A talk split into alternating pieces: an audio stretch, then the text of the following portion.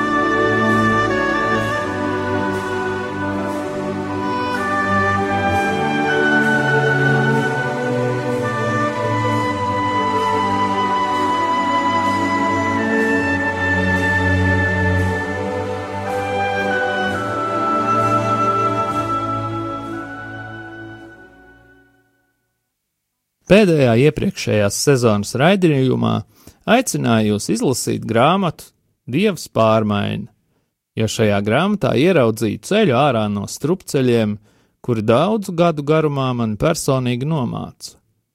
Jau minēju, ka ceļš, par kuru runā priesteris Tomislavs, saskana ar mūsu raidījumu nosaukumu. Mēs visi esam ceļā pie viņa, pie mūsu dieva, un katrs šis ceļš ir vērtīgs, un svarīgs gan mums, gan dievam. Katra jauna pieredze varbūt nederēs katram, taču zināšanas par kaut ko jaunu ir ļoti svarīgas. Atceros, ka daudzus gadus man nomāca jautājumi, kā labi man dzīvot, kāpēc man jāmirst, uz kurien dodas mirstot, kas īsti ir nāve, vai tā ir sākums vai beigas Šie bija jautājumi, kur nodarbināja manu prātu daudzu gadu garumā. Bieži vien šie jautājumi paralizēja pat tad, kad uzskatīja sevi par dziļi ticīgu. Arī tad, kad mācījos reliģijas zinātnes augstskolā, kad apgūtu teoloģiju, psiholoģiju un filozofiju, zināšanas man nevarēja sniegt atbildes uz šiem jautājumiem. No kurienes es ierados šajā pasaulē? Mēs nezinām, no kurienes, mēs nezinām, uz kurieni mēs nezinām, kāpēc. Kāpēc man jādzīvo? Gāju pie vairākiem priesteriem ar šiem jautājumiem un saņēmu atbildes no evaņģēlī, taču savā sirdī nespēju saņemt mieru. To, ka man ir jātic un jāpieņem, ka ir mūžīgā dzīve, es sapratu taču manai sirdī ar to nepietika. Es turpināju ciest no šo jautājumu ietekmes uz mani un manu garīgumu. Ar prātu jau es visu sapratu, taču realitāte man likās cita. Nav jau tā, ka dievu nebija saticis. Galu galā kalpoja baznīcā, gāja pie sakramentiem, taču bija kaut kas, kas man pietrūka. Šajā grāmatā ieraudzīju, ka šis harizmātiskais priesteris arī meklēja atbildes uz šiem jautājumiem. Beidzot spēja pieņemt, ka tas ir normāli un labi, ja ir šie jautājumi, tā tad esmu ceļā pie dieva, tā tad esmu viens no izglābtajiem. Turpinot uzdot jautājumus dievam un sev, esam nonākuši pie ciešanām. Nu, kāpēc man jācieš? Un arī jums iespējams ir šādi jautājumi, varbūt tik ļoti jācieš? Kāpēc esmu tik vientuļš? Un vientulība ir iespējama arī starp cilvēku bariem. Kāpēc neviens nespēja būt kopā ar mani manā nāvē? Un kad es ciešu, ciešu gluži viens. Šie jautājumi ir dziļi personīgi, taču saistīti arī ar tādiem globāliem jautājumiem, kā īsti radusies šī zeme, šī pasaule, Kas ir visums? Vai Dievs patiesi ir, vai tomēr viņa nav? Vai iespējams būt pilnīgi veselam, vai iespējams kļūt par cilvēku? Šie ir mūsu dziļākie jautājumi, un ja neatrodam uz tiem atbildes, tad mūsu dzīve burtiski karājas gaisā. Tad mēs ejam uz nekurieni un nākam no nekurienes. Būtu jābūt tā, ka dievam ir jābūt ikvienas zinātnes un it visu mūsu dzīves meklējuma objektam. Dievam ir jābūt manas dzīves pamatam. Dievā es esmu. Dievs ir mans jautājums, Dievs ir mana pagātne un nākotne. Cik viegli to ir runāt, pieņemt prātā, tie, kas esam uz ceļa pie Dieva, arī nav problēmu. Bet kā ir ar sirdi, emocijām, jūtām, ko ar to darīt? Tālāk jautājumi turpinās, kam gan visa zinātne, ja nav dieva, un ja rīt atkal ieeju nebūtībā? Vai pasaulē ir nākotne? Vai būs ātrumkarš, kas visu iznīcinās? Vai ir kāda liela cerība, vai arī mēs dzīvojam bez cerības? Ar šiem jautājumiem mēs pieskaramies dzīves pamat patiesībām. Mēs nemaz nespējam dzīvot mierīgi, laimīgi, un cilvēki bez šīs īstenības mums, mums ir vajadzīgs Dievs, lai mēs spētu dzīvi baudīt. Ja tikai miesa izjūt tīksmi, bet gars vai psihi no tā cieš, tā nav nekāda bauda. Patiesi mums ir atņemts ļoti daudz, ja nedzīvojam saskaņā ar Dievu, visas dzīves pamatu. Tomēr pasaule mums ir dota, lai baudītu un lai mēs kļūtu pa īstam laimīgi. Pēdējā iepriekšējās sezonas raidījumā es piedāvāju vasaras periodā sākt sevis meklējumus. Vai jums tas ir izdevies? Būtu interesanti uzzināt jūsu vasaras pieredzi, jo dzīves pamatu atrod tikai tas, kurš meklē, nevis tas, kurš domā, ka ir to jau atradis. Dievu nevar atrast, viņu var vienīgi meklēt. Viņš ir neaptverams un neizsmeļams. Ja esi Dievu jau atradis, tev, tad tev viņa nav. Ja meklē, tad tu vienmēr esi pie Dieva. Vienīgi tie, kas meklē Dievu, atrod un paliek ar viņu. Svētais gars ir tikai tiem, caur kuriem tas var plūst. Dieva gars ir dzīvais ūdens, tas ir kā vēja plūsma, un tas ir mīlestība.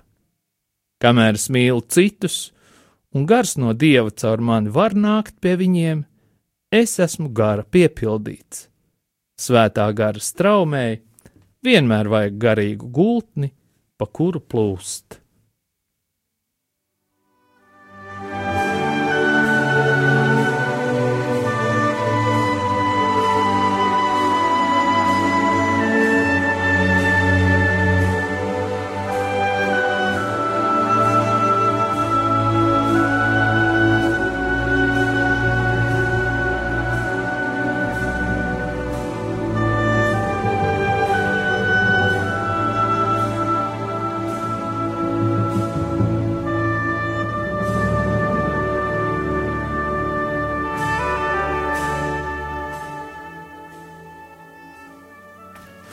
Un tagad es vadīšu jūs iekšējās dziedināšanas lūkšanā. Mēs noliekam sevi Dieva priekšā, Dieva klātbūtnē. Kā svētie raksti saka, es esmu kungs, kas dziedina. Es sūtu savu vārdu, un tas viņus dziedina. Kungs, Jēzu, mēs aicinām tevi ienākt mūsu pagātnē jo priekš tevis pagātne ir tikpat klātesoša kā nākotne. Mēs ticam, ka tikai tu vari dziedināt mūsu pagātni. Kungs Jēzu, mēs lūdzam tevi ienākt mūsu senču ciltskokā. Lūdzam dod dziedināšanu un atbrīvošanu visam mūsu ciltskokam, īpaši tiem mūsu senčiem, kur varētu būt izdarījuši pašnāvības vai veikuši abortus, vai iesaistījušies okultās praksēs, vai nolādējuši savus pēcnācējus. Kungs, lūdzam tevi, lai viņi piedzīvo augšām celšanās spēku un dāvā viņiem mūžīgo mieru. Kungs, lūdzam īpaši par tiem mūsu senčiem, kas ir miruši koncentrācijas nometnēs vai tikuši netaisni apspiesti, tiesāti vai nogalināti. Lūdzam par tiem mūsu senčiem, kas citiem nodarīja pāri vai nogalināja. Kungs, mēs lūdzam par tavu mīlestības dziedināšanu mūsu pašu dzīvēs, kopš ieņemšanas brīža. Īpaši, ja kāds nav ieņemts mīlestībā, bet vardarbības vai alkohola iespējā vai ieņemts ārpus laulības vai izvarošanas rezultātā. Dziedini, kungs, to laiku, kad bijām mātes miesās, īpaši, ja mātei ir bijis kāds satricinājums vai uztraukums, vai baidījās no bērna piedzimšanas, vai arī tika adoptē, apdomāta aborta iespēja. Kungs dziedina mūsu dzimšanas laiku, ja mēs netikām īsti gaidīti, kad piedzimām, vai arī piedzimām pirms laika, vai arī pēc grūtām dzemdībām ar nabas saiti ap kaklu. Kungs dziedini mani manas bērnības laikā, īpaši, ja ir bijuši strīdi ģimenē, vai arī, ja māte ir mirusi, tad, kad biju mazs, vai arī tēvs miris esot man vēl mazam, vai arī tēvs ir bijis pastāvīgi darbā, vai arī viņš ir bijis alkoholiķis vai vardarbīgs ģimenē, vai ģimeni pametis. Kungs, kā tu esi piedevis man manus daudzos grēkus, palīdz man piedot mātei un tēvam, jebkuras sāpes, kuras ir pieredzētas. Ja bērnībā ir bijusi kāda seksuāla izmantošana, kas ir sagrozījusi manu seksuālo uztveri, vai novedusi man pie sliktiem paradu, paradumiem, iespējams, pie masturbācijas. Kungs dziedina manus skolas gadus, īpaši, ja ir bijis grūti mācīties, vai ja kāds skolotājs ir netaisnīgi sodījis, vai arī vecāki piespieduši mācīties labāk, kā varēju.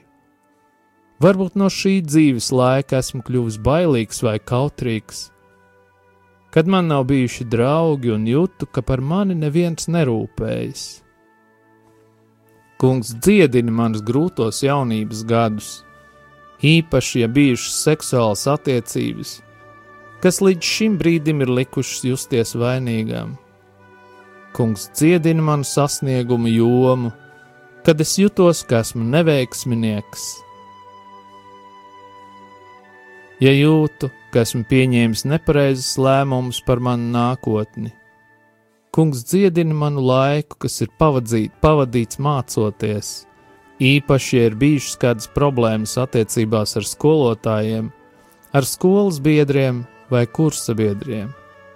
Kungs dziedina manu tagadējo laiku darbā Dziedini mani izjūtas, ka neesmu daudz sasniedzis. Dziedini mani no vientulības izjūtām, Kungs palīdz man piedot visiem cilvēkiem, kas dzīvē ir mani sāpinājuši. Arī es vēlos piedu, lūgt atdošanu cilvēkiem, kurus esmu sāpinājis. Es arī lūdzu dziedināšanu pagātnē, kad ir saņemti emocionālie ievainojumi.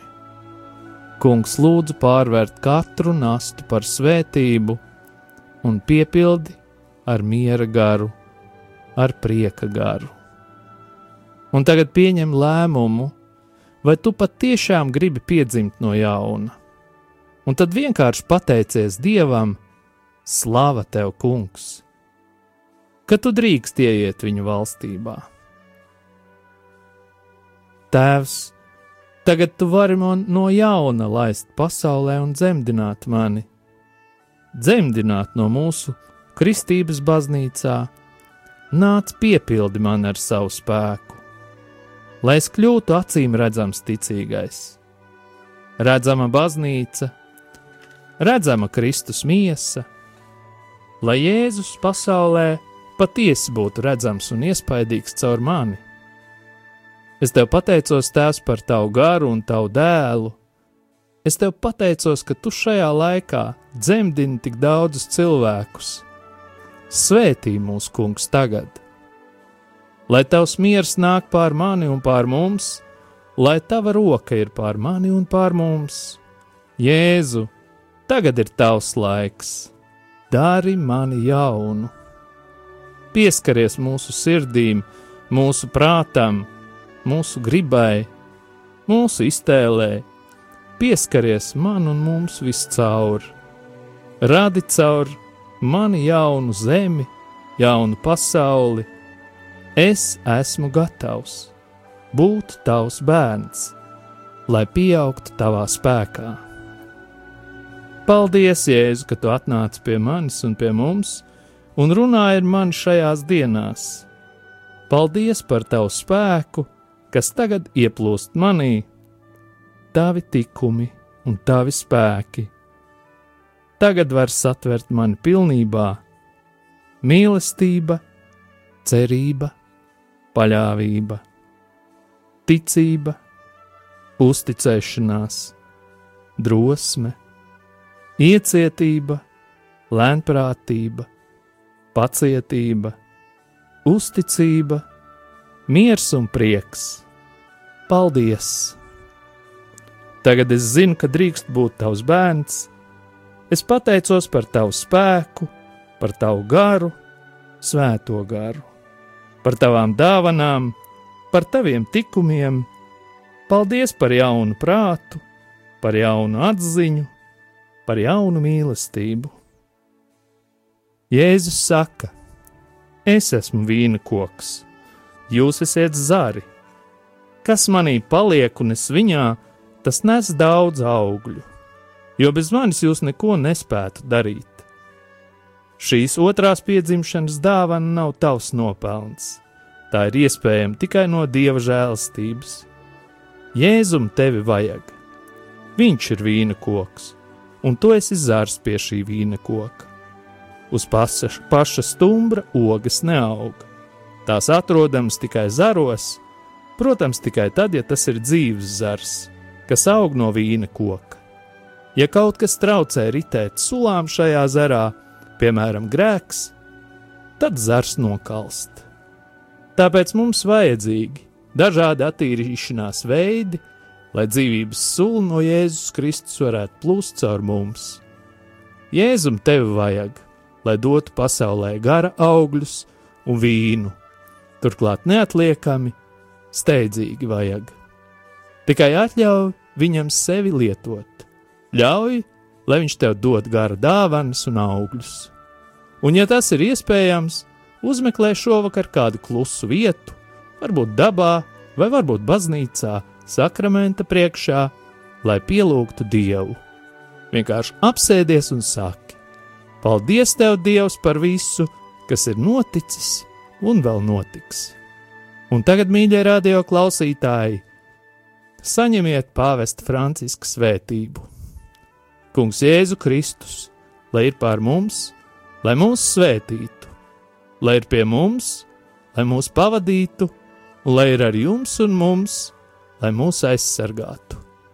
Lai mūs svētī Dievs Tēvs un Dēls un Svētais Gars, lai asins un ūdens, kas izplūd no Jēzus Kristus sirds, izplūst pār mums un lai šķīstī, atbrīvo un dziedina. Un tā nākošais raidījums, kurš izskanēs ēterā, būs Māras Sadovskas raidījums Agape.